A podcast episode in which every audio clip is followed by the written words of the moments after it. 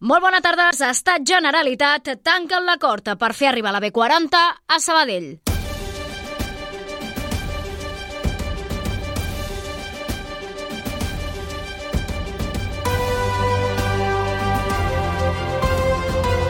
Notícies migdia.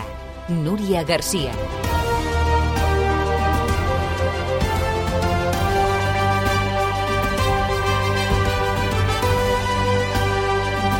El ministre de Transports, Òscar Puente, ha anunciat que la firma del conveni és imminent i que la discussió sobre com enllaçar una via d'alta capacitat com la B40 amb la futura Ronda Nord està absolutament tancat. L'alcaldessa de Sabadell, Marta Ferrés, ha valorat el que ha qualificat avui de bona notícia. L'altra bona notícia, diguem, d'aquest matí, que gairebé ens ha alegrat més en clau Sabadell doncs, que, que aquesta pròpia, és precisament el compromís del ministre doncs, de la signatura del conveni pel tema de la Ronda Nord. No? I per tant, que nosaltres el que ja volem començar a posar, com, com he dit sempre, és calendari traçat, Ferrés també ha participat aquest matí en l'acte d'obertura del tram de la B40 entre Olesa i Vila de Cavalls, que s'ha inaugurat després de 17 anys d'obres.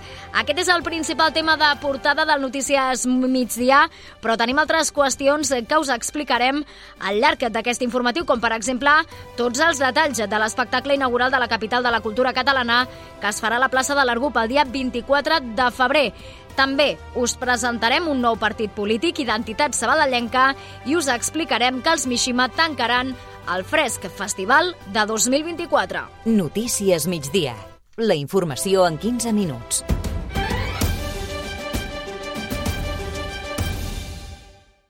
Els serveis.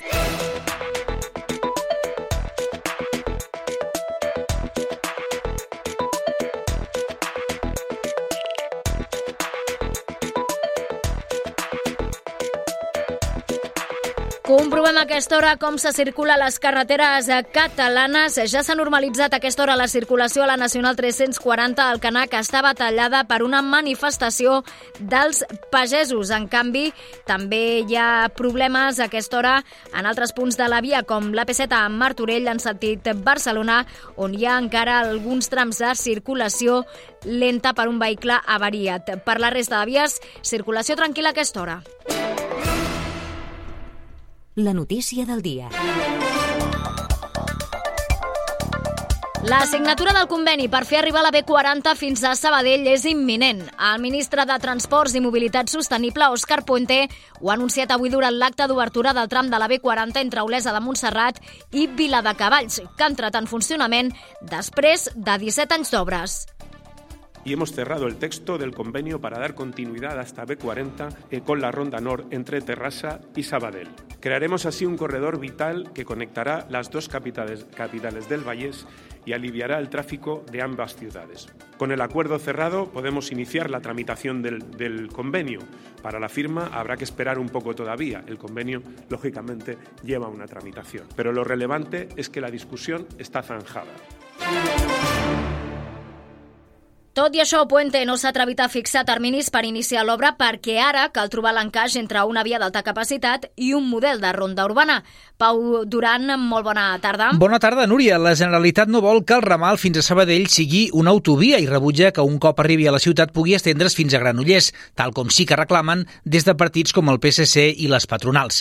L'alcaldessa de Sabadell, Marta Ferrés, ha valorat així l'anunci del ministre Òscar Puente que ja hi havia els diners i que en tot cas doncs, la Generalitat el que, el que ara farà és la redacció del projecte eh, supervisada pel, pel Ministeri i per tant que s'intentaria fer tot amb la màxima rapidesa possible. No? Nosaltres l'hem traslladat al ministre que òbviament hi havia acord en el territori, que nosaltres el traçat ja el tenim molt avançat i que per tant eh, crec poder parlar en nom de tots els municipis eh, afectats perquè a més amb l'alcalde Ballar doncs, també ho hem pogut compartir que evidentment per la part, per la part dels ajuntaments no quedarà. El ramal de la B40, que s'ha inaugurat avui, forma part del projecte del quart cinturó, una infraestructura dissenyada als anys 60 per unir el Penedès, el Vallès i el Maresme. Té una longitud de 6 quilòmetres, dels quals un discorre a través d'un túnel.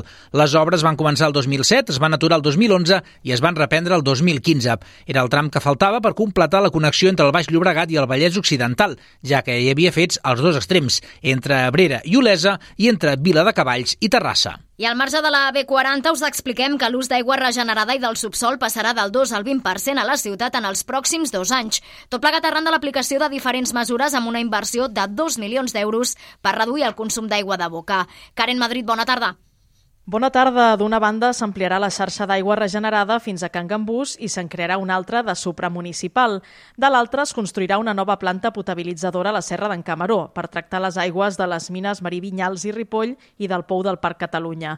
L'alcaldessa de Sabadell, Marta Ferrés, apunta l'objectiu de tot plegat. El que volem en el fons és utilitzar més regenerada i més freàtica per deixar d'utilitzar el que és l'aigua de boca allà on puguem fer-ho. No? I per tant deixar de consumir recursos hídrics de boca, que al final vol dir deixar de consumir recursos hídrics que ens venen de de la conca del Ter Llobregat, per tant aquesta que també ara està en màxima tensió hídrica. Des del govern municipal també fan una crida perquè l'Agència Catalana de l'Aigua autoritzi més usos de l'aigua regenerada, ja que la ciutat tindria capacitat per ampliar-los. Tota la informació a Ràdio Sabadell. I tal com us va avançar ahir aquesta emissora, l'acte central de la capitalitat de la cultura que se celebrarà el pròxim dissabte 24 de febrer comptarà amb la participació de més de 200 artistes. Fa pocs minuts l'Ajuntament ha fet la roda de premsa prèvia a aquest espectacle. L'Helena Molist l'ha seguit i ens ho explica al Pau. Què més podem dir? Doncs mira, podem desgranar una mica més la història d'aquest show. El director de l'espectacle, Albert González, explica com serà he construït un relat, una mena de fil conductor que pugui unir totes aquestes disciplines. El que veurà la gent serà diferents càpsules de diferents artistes, mm, amb actuacions que poden durar des dels 3, 4, 5 minuts, amb un fil conductor, que això, això són les...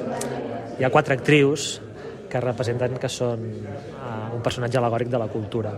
Són, fent aquest paper de fil conductor, la Rosa Renom, la Mercè Martínez, la Mireia Vilapuig i la joveníssima Laia Burgaroles. Tot plegat serà en un escenari a la plaça de l'Argup que comptarà amb més de 1.200 cadires de públic. L'Associació Cultural Can Feu entrega a l'Ajuntament 3.200 firmes a favor de posar-li el nom de Josep Nicolau Olzina al passeig sorgit del soterrament dels ferrocarrils entre Gràcia i Can Feu. Des de l'entitat consideren compatible la proposta amb la moció d'Esquerra perquè el passeig porti el nom d'Antoni Ferrés.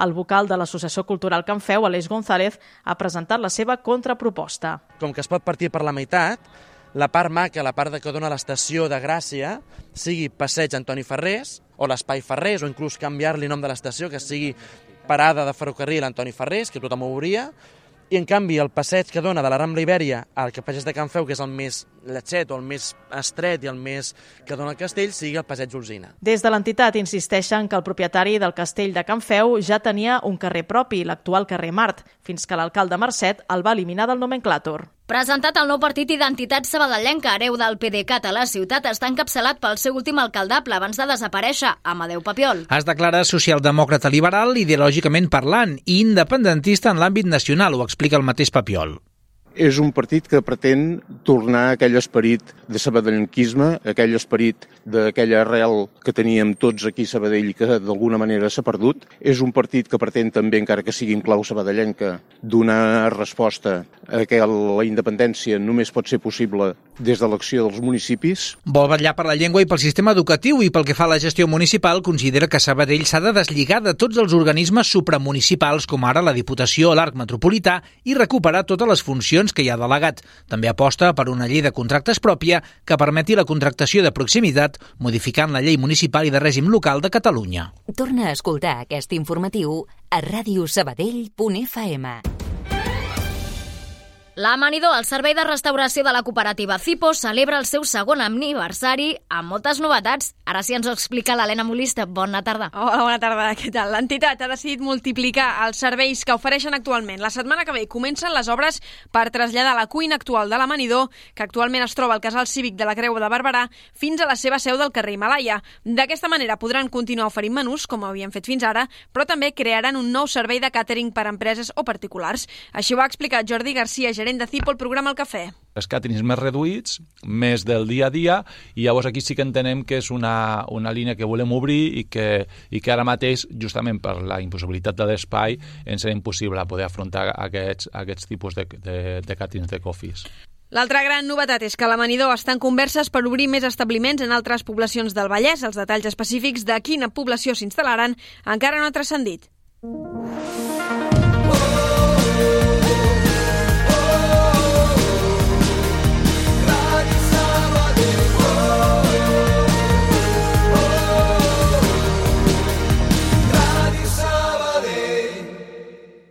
A ti te gusta que en el taller te traten como a un rey, ¿verdad? ¡Sí! ¿Y si además te dan coche de sustitución y financiación sin intereses? Todo esto lo tienes en Midas, donde cuidamos de ti y de tu coche con la última tecnología. Llevamos más de 30 años siendo la marca líder en el mantenimiento de tu vehículo con los mejores profesionales. Midas. Te esperamos en Midas Sabadell con descuentos de apertura, hasta un 25% en la revisión oficial. Des del 1930, el Mercat Central de Sabadell ens proveeix de productes excepcionals.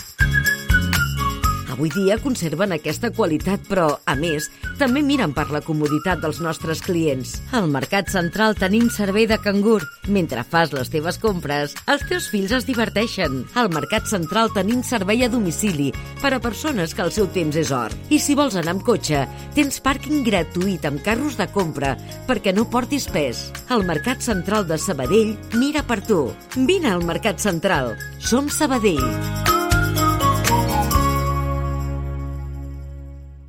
Ràdio Sabadell. Notícies.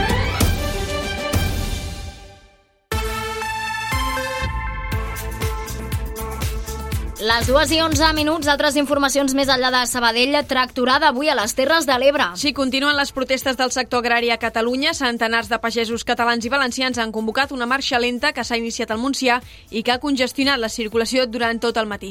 Ara, però, ja s'ha desbloquejat la N340, el límit entre Catalunya i el País Valencià. Últim dia de la campanya electoral a Galícia. Marcada per la presència del líder del PP, Alberto Núñez Feijó, que ha dedicat tota la seva agenda política a donar suport a Alfonso Rueda, el candidat dels populars, i és que la pèrdua de Galícia, un bastió històric del PP, podria comprometre el seu futur polític. Les enquestes no els hi són favorables. Segons el CIS, la majoria serà ajustada i el PP podria perdre la Junta.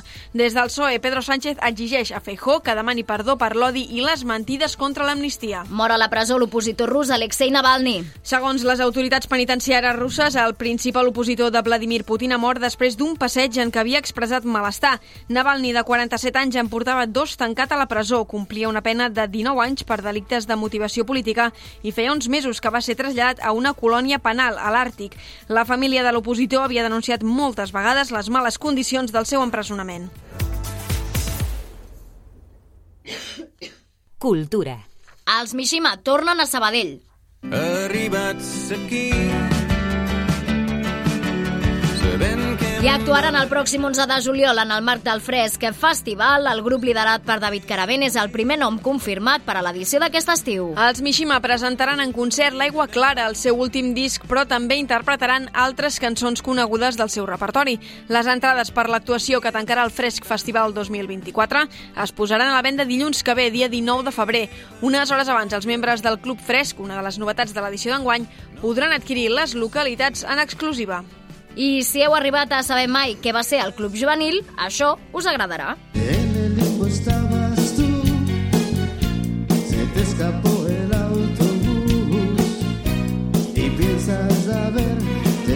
Són els Bats versió 6.0, fills dels membres originals i actuen a la Cava Urpí per continuar compartint el rock dels anys 60 que tocaven els seus pares al local del sud de Sabadell. El concert serà aquest dissabte a les 9 de la nit. Un dels membres del grup, Frank Guàrdia, explica al matí com han titulat el concert. El concert l'hem titulat Rock als ossos, no? pues, també una miqueta pues, per fer aquest joc amb el que ja sabeu, no? que acabo d'explicar la història de més, sí. pues, perquè ells eren un, un grup pues, que se'ls caracteritzava perquè potser eren els més rockerillos no? de, de, de l'època i de més, i, i volem transmetre sobretot amb aquest concert aquest esperit no? que portaven ells. I sonaran les cançons pròpies i també les versions que van fer de grups com Beatles, Brincos o Sirex.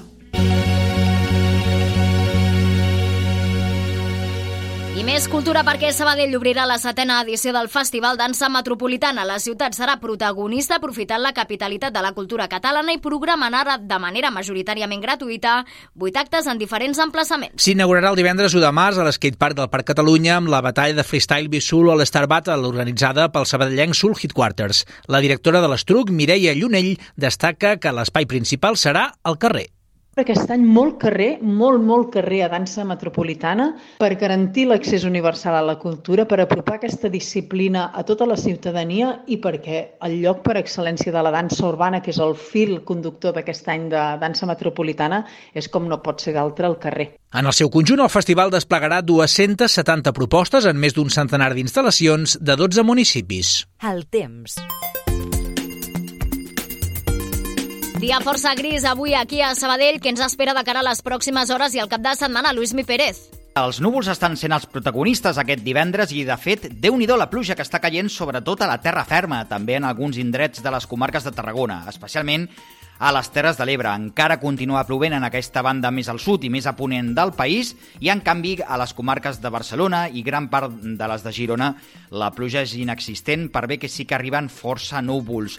La temperatura ha baixat una miqueta i la tendència d'aquestes immediates hores és que arribi a ploure també en alguns indrets de la Catalunya central i de les comarques de l'àrea metropolitana de Barcelona, així com a l'interior de Girona, bàsicament cap a la Cerdanya, el Ripollès i també en alguns indrets del sud de la Garrotxa. Poca pluja arribarà fins a la Costa Brava i s'ha de dir que la precipitació que caurà aquesta tarda a les comarques de Barcelona, per exemple, serà minsa. Al cap de setmana ja tindrem moltes més clarianes, temperatura cap amunt i als matins amb algunes boires, sobretot a les comarques del Prepirineu. Us seguirem a la xarxa. Passa un minut d'un quart de tres, marxem. Fins aquí el Notícies Migdia que hem fet amb la Rocío García a les vies de so. Recordeu que podeu continuar informats al portal de continguts de l'emissora, a les xarxes socials i també a través del nostre canal de WhatsApp. Que vagi molt bé. Nosaltres tornem dilluns. Adeu. Allà on siguis, escolta'ns online. En directe.radiosabadell.fm